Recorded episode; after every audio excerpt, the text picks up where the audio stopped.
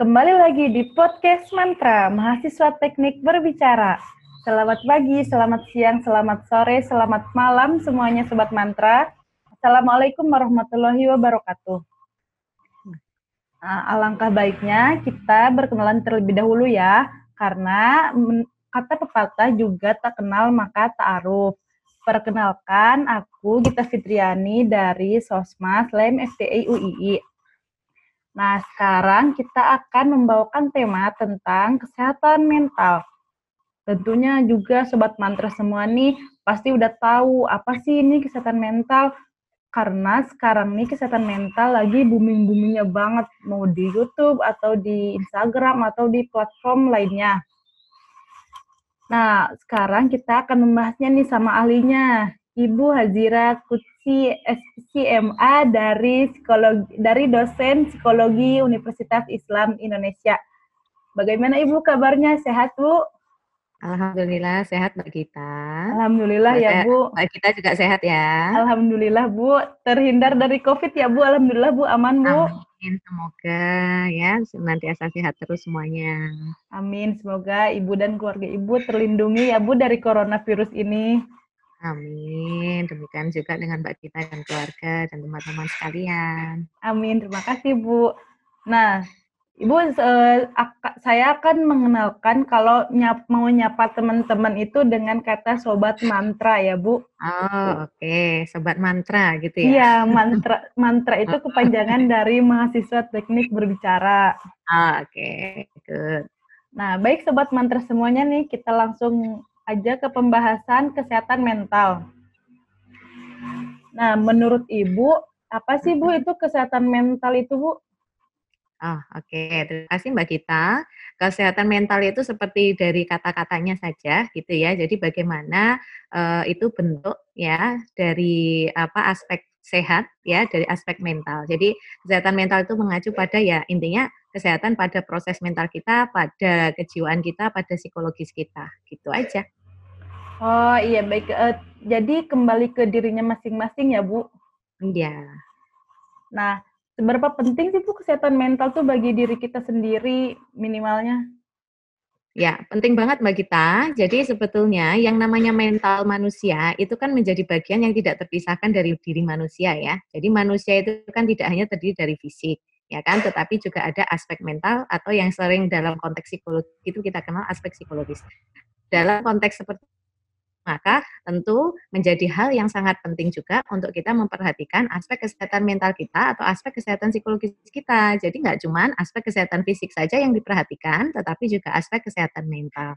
Maka ya saya akan bilang gitu ya penting gitu. Oh iya, berarti emang kesehatan mental tuh hmm, sangat erat banget ya Bu sama kehidupan kita supaya kita bisa ya. menjalani kehidupannya dengan baik. Betul, karena manusia kan nggak cuma terdiri dari fisik aja ya, gitu. Iya. Oh iya Bu, kenapa sih di Indonesia ini sekarang baru booming-boomingnya kesehatan mental tuh baru paling setahun dua tahun ke belakang ya Bu? Ah, oke. Okay. Ya mungkin uh, sebetulnya uh, boomingnya itu tidak hanya baru tahun-tahun ini ya, cuman mungkin memang kalau dikenal oleh kalangan mahasiswa terutama itu seringnya kan sekarang sudah mulai banyak juga informasi-informasi tentang kesehatan mental ya.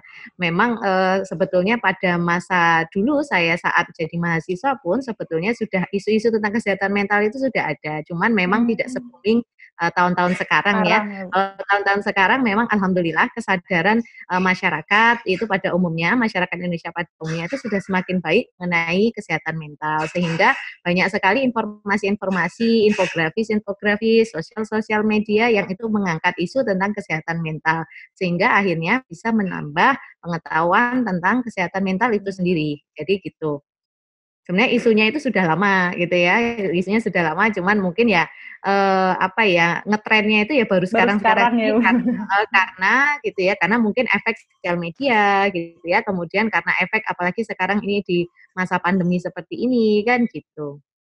Iya Iya juga sih Bu, soalnya aku baru kenalnya tuh kemarin-kemarin gitu Bu. Oh ternyata gini ya gitu, kesehatan mental tuh sangat berguna banget buat diri sendiri gitu. Iya, oh ya karena efek itu aja sih, mungkin kan efek uh, masifnya sosial media juga ya yang membanyak iya, dulu, Bu. tentang kesehatan mental kan gitu. Iya, sebenarnya hmm. apa ya Bu gejala-gejala yang mulainya disebut adanya gangguan kesehatan mental itu Bu? Oke, nah kalau dalam konsep psikologi yang namanya gangguan kesehatan psikologi itu ada banyak sekali bentuknya ya, Mbak kita ya. Jadi ada banyak sekali uh, apa gejala-gejala atau tanda-tanda orang dapat dikatakan gejala apa mengalami gangguan psikologis atau gangguan mental atau gangguan kejiwaan. Dan itu banyak gitu ya. Saya nggak bilang nggak bisa bilang harus menyebutkan satu persatu gitu ya Banyak karena sekali ya, tapi gejala yang ya karena gejala tapi gejala yang umum itu biasanya ya uh, itu akan mengarah pada satu perilaku khusus misalnya ya uh, stres yang berlebihan, kecemasan yang terlalu berlebihan, kemudian nanti ada aspek sosial misalnya menarik diri gitu ya. Kemudian uh, nanti uh, secara kognitif juga nanti mungkin ada beberapa distorsi kognitif gitu ya. Jadi sebetulnya gejalanya akan sangat banyak beragam, uh, sangat beragam dan itu juga tergantung pada nanti uh, gangguan psikologi seperti apa sih yang sedang dialami oleh si individu tersebut. Oh, eh, jadi uh, gejala-gejalanya tuh tiap orang tuh bisa beda-beda ya, Bu? Beda-beda dan bentuknya juga beda beda-beda tergantung pada memang dia sedang mengalami gangguan psikologis yang seperti apa. Tetapi memang ada gejala umum, misalnya kalau misalnya dia mengalami gangguan uh, yang konteksnya mood atau nanti gangguan kecemasan atau nanti gangguan fobia dan sebagainya, nah itu nanti ada ciri khas khususnya gitu ya. Jadi uh, karena memang banyak sekali Mbak itu uh, apa identifikasi dari gangguan-gangguan yang kita kenal sebagai gangguan psikologis. Oh iya bu. Mm-hmm. Uh, ini bu uh, kesehatan mental tuh kan banyak banget ya bu penyakitnya. Nah itu tuh mm-hmm. bisa ngeganggu ke fisik kita nggak bu? Oke, dalam konsep uh, kami di teori psikologi ada yang namanya kita kenal dengan holistic uh, health. Jadi kesehatan yang menyeluruh atau kesehatan holistik. Ketika misalnya ya uh, aspek mental kita mengalami apa ya uh, ketidakfitan ya, atau kita sebut tidak sehat mental gitu tentu nanti juga akan bisa berimbas pada yang namanya ketidaksehatan dari segi fisik, ketidaksehatan dari segi sosial, ketidaksehatan dari segi spiritual gitu ya. Jadi uh, manusia itu kan aspeknya banyak ya aspeknya banyak. Aspek dalam dirinya banyak. Bahwa dia punya aspek fisik dia punya aspek mental atau psikologis dia nanti punya aspek emosi kemudian dia punya aspek spiritual dia punya aspek sosial. Dan ini semua itu seperti sebuah siklus yang itu saling mempengaruhi. Kalau satu tidak sehat maka ini sangat mungkin berimbas Semuanya. pada uh, tidak sehatnya yang lainnya gitu ya. Termasuk misalnya fisiknya tidak sehat gitu apa bisa berpengaruh pada mentalnya? Sangat mungkin juga gitu ya. Ketika orang mengalami penyakit mendapatkan nauzubillah dalik ya mendapatkan penyakit tertentu, nah sering kali itu juga akan berpengaruh pada mentalnya. Dan hmm. sebagai eh, sebaliknya ya ketika secara mental dia mengalami apa ketidaksehatan ya nanti bisa juga dia akan mempengaruhi ketidaksehatan secara fisik dan aspek yang lainnya. Jadi saling berpengaruh, Mbak. Oh iya, ini sobat mantra tuh kan kalau gangguan sehat kesehatan mental tuh sangat pengaruh ke kesehatan-kesehatan yang lainnya ya Bu ya. Makanya iya, kita ya, harus betul. menjaga kesehatan mental kita juga sendiri. Nah, gini ya Bu, karena kemarin tuh pas seminar di UII kan ada tuh Bu yang tentang kesehatan, kesehatan mental. Ya. Nah, di situ dari si Bapak Puskesmasnya, eh bukan Bapak Puskesmas, jadi yang di atas tuh Bu, yang rumah sakit ya, itu. Nah, bapaknya, ah iya, bapaknya tuh ngobrol katanya banyak mahasiswa yang mau konsultasi atau sekedar uh, ngobrol aja sama psikologi, tapi karena dia tuh malu atau karena takut dikira sebagai orang gila ya Bu. Maaf ya Bu kalau emang rata-rata emang gitu kalau sama tetangga-tetangga tuh. Nah, bagaimana sih Bu e, caranya biar kita tuh nggak malu, biar kita tuh mau gitu Bu konsultasi supaya e, apa mental kita tuh sehat gitu Bu. Iya. Oke, uh, memang ini masih jadi apa ya stigma yang sering kita hadapin ya di masyarakat Indonesia ya. Jadi secara umum itu sebetulnya di budaya Asia. Jadi budaya Asia itu hasil riset menunjukkan memang uh, cara uh, mencari bantuan dengan profesional misalnya dia datang ke psikolog atau ke psikiater begitu ya, itu masih dianggap uh, tabu. Ya, itu kan begitu terutama kalau di daerah-daerah ya. Kalau di kota-kota besar relatif sudah sudah biasa gitu ya, relatif sudah biasa. Kota besar itu misalnya ya termasuk uh, kalau Jogja pun yang di daerah kota atau DIY pun juga sudah trennya sudah artinya semakin berkurang gitu. Sekalipun memang kalau kita lihat di daerah-daerah di Indonesia gitu ya, itu masih banyak yang menganggap kalau uh, kita datang ke psikolog, uh, psikolog atau datang ke psikiater, wah ini bermasalah nih, oh dia punya gangguan nih. Padahal ya artinya begini ya, uh, sebetulnya kalaupun misalnya kita datang ke psikolog atau psikiater itu kan kayak seumpama kita itu kan memerlukan bantuan untuk membantu mengatasi anu ya apa ya membantu uh, memetakan permasalahan yang sedang kita hadapin gitu ya. Jadi tidak sekedar misalnya kita kalau misalnya gini Mbak Gita sakit secara fisik begitu ya, secara fisik Mbak Gita kemudian sudah berobat secara mandiri tapi kok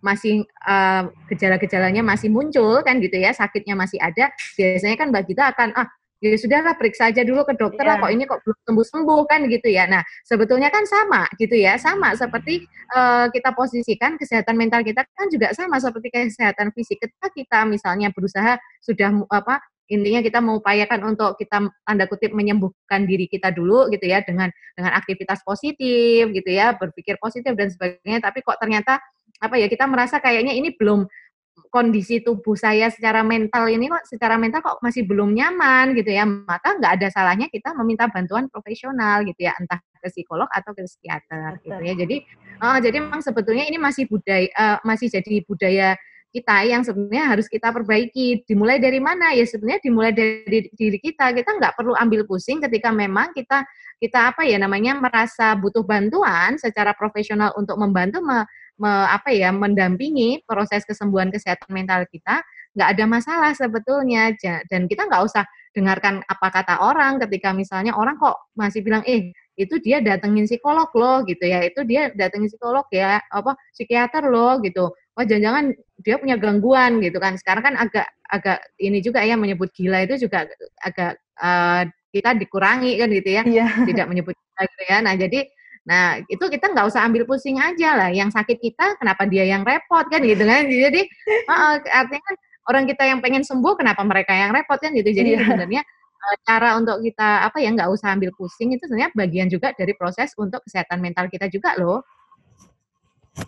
Baik peduli sama dirinya ya Bu, biar nggak makin betul. parah gitu kan. Kalau misalkan uh, kita makin mikirin diomongin sama tetangga bilang ih si itu ke psikiater atau psikologi apa mungkin dia ada gila atau gimana gitu ya bu ya nah uh kita tuh nggak usah dipikirin aja ya bu cuek aja ya, ya, ya betul yang sakit-sakit kita maksudnya kan yang butuh kesembuhan ya. kita gitu kan jadi hmm. ya. ya terus bu gara-gara boomingnya di YouTube tuh ya bu jadi banyak ya anak remaja atau seumuran mahasiswa tuh banyak yang nonton, nonton tentang kesehatan mental di YouTube. Dari si penderita misalnya kan banyak sekarang, Bu. Mm-hmm. Nah, kan dari situ tuh banyak yang oh, aku juga ngalamin loh gini gini gini. Oh, aku juga kok sama ya uh, kok sama ya gangguannya sama sama kesehatanku juga aku merasa gitu. Nah, itu tuh menyebabkan diagnosis diri sendiri ya, Bu bagaimana ya Bu nanggepin nanggepin orang yang diagnosis diri dirinya sendiri itu Bu? Ya, ini juga yang apa ya uh, fenomena yang juga saya merasa sebagai ilmuwan psikologi ya, sebagai dosen psikologi juga gitu ya, itu merasa bahwa ini uh, fenomena yang semakin banyak terjadi di kalangan pemuda kita gitu ya. Jadi mereka itu seolah-olah mendiagnosis diri sendiri bahwa mereka mengalami gangguan begitu ya, gangguan psikologi, atau gangguan mental atau gangguan kejiwaan begitu ya. Padahal ya seperti saya bilang gitu ya, uh, untuk melakukan proses identifikasi terhadap gejala-gejala bahwa apakah memang betul itu indikasi sebuah gangguan itu tidak mudah. Nah, tetapi saya mengapresiasi ketika ada pemuda-pemuda kita yang dia secara sadar gitu ya, secara sadar dia tahu bahwa kok kalau dari cerita ini, kok kalau dari acara ini, kok kalau dari berita ini ada tanda-tanda hmm. seperti ini, kok aku kayaknya masuk ke situ ya? Apa iya ya saya juga hmm. mengalami gangguan yang sama? kalau sebatas bahwa itu awareness atau kesadaran diri itu enggak apa-apa ya justru ketika kita muncul kesadaran bahwa oh ternyata saya punya masalah terhadap kesehatan mental saya sehingga apa yang harus saya lakukan nah itu ya yang paling penting justru itu apa yang harus saya lakukan next step-nya itu apa kan gitu ya. Apa yang harus saya lakukan? Oh nampaknya saya harus cerita kepada misalnya orang yang lebih ahli. Nah jadi gitu. Jadi tahapan ketika seseorang itu tidak pada sampai ke self diagnosis-nya, diagnosis dirinya, apa diagnosa dirinya, tetapi lebih pada self awareness-nya. Hmm. Ya, jadi pada tahapan kesadaran diri ketika dia misalnya uh, melihat membaca berita atau mendengarkan podcast tertentu atau mendengarkan cerita pengalaman dari orang yang juga mengalami gangguan terus dia kok bisa mengident kok dia kemudian mengidentifikasi kok ciri-ciri itu ada pada dirinya. Ya paling tidak ada awareness dulu muncul dalam dirinya kan gitu. Oh ternyata aku kok punya kasus yang mirip-mirip nih. Apa jangan-jangan aku juga ada masalah ya? Nah ini nggak masalah sebetulnya. Kalau sampai tahapan bahwa kesadaran diri ini membangun next step-nya langkah hmm. berikutnya. Oh ternyata nampak itu aku coba cerita deh ke orang yang lebih ahli sehingga biar bisa diarahkan kira-kira apa yang harus kulakukan kan gitu. Iya bu, uh, itu juga uh, dari nonton-nonton YouTube gitu juga bisa menimbulkan kita uh, agak tenang ya bu, soalnya kita tahu apa yang harus dilakukan ya bu. Betul, betul gitu. Jadi paling tidak itu untuk munculkan kesadaran terhadap diri kita karena gini, tidak setiap klien ya, misalnya klien yang datang ke oh, unit konselingnya universitas, misalnya karena saya membawahi unit konseling juga di oh, universitas iya. ya di kemahasiswaan. Nah, itu tuh mereka itu ketika ditanyakan uh, kira-kira uh, apa yang membawamu kemari gitu, saya nggak tahu, saya juga bingung. Nah, ini kan artinya dia kan belum menyadari bahwa dia itu punya problem gitu ya, maksudnya kenapa kemudian dia datang ke situ kan gitu. Nah, maka memang penting ketika kesadaran diri itu dibangun dari si pemuda itu di dirinya sendiri ya bu. Oh, betul. Oh iya bu, karena kan uh, ibu juga membawahi itu ya bu apa tadi yang yang konseling, konseling diri uh, itu kan uh, apa sih bu yang udah ibu alamin tuh ya gangguan kesehatan yang dialami oleh remaja terutama di Universitas Islam Indonesia tuh rata-rata apa ya bu uh, gangguannya. Ya. Oke, sebetulnya ini tidak hanya dialami oleh mahasiswa UI ya Mbak ya. Jadi saya itu kan juga beberapa kali ada workshop dengan universitas-universitas yang lain, kampus-kampus yang lain. Jadi memang ada fenomena yang menarik gitu ya.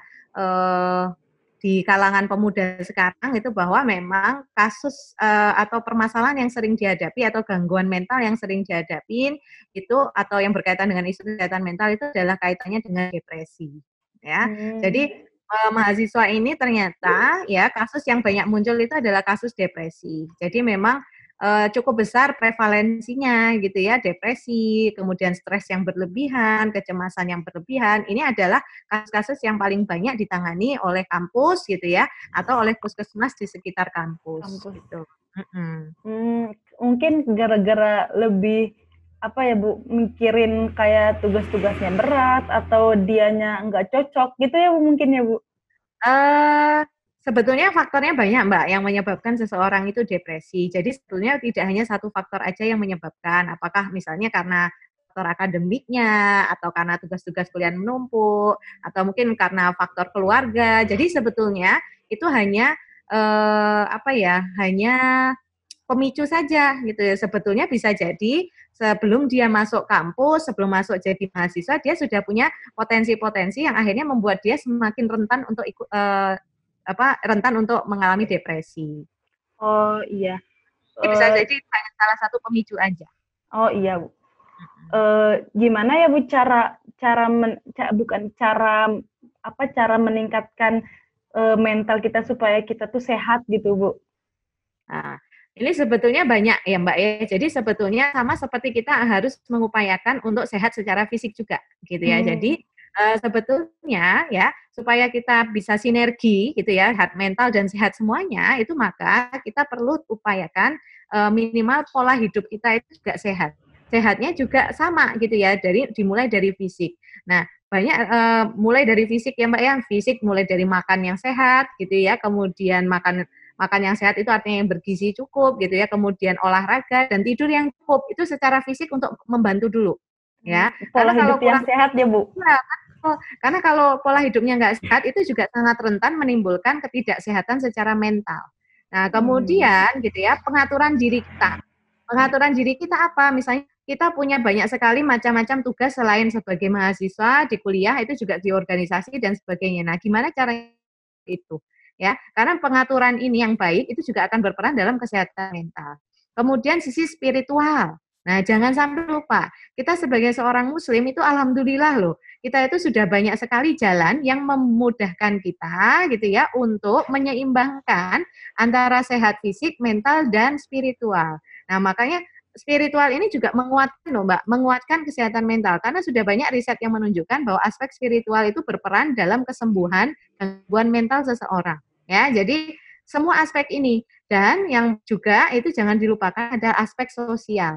Ya, sering juga Anda ber, kita berinteraksi sama orang lain secara positif gitu ya. Nah, ini akan meningkatkan imunitas kesehatan mental kita gitu ya.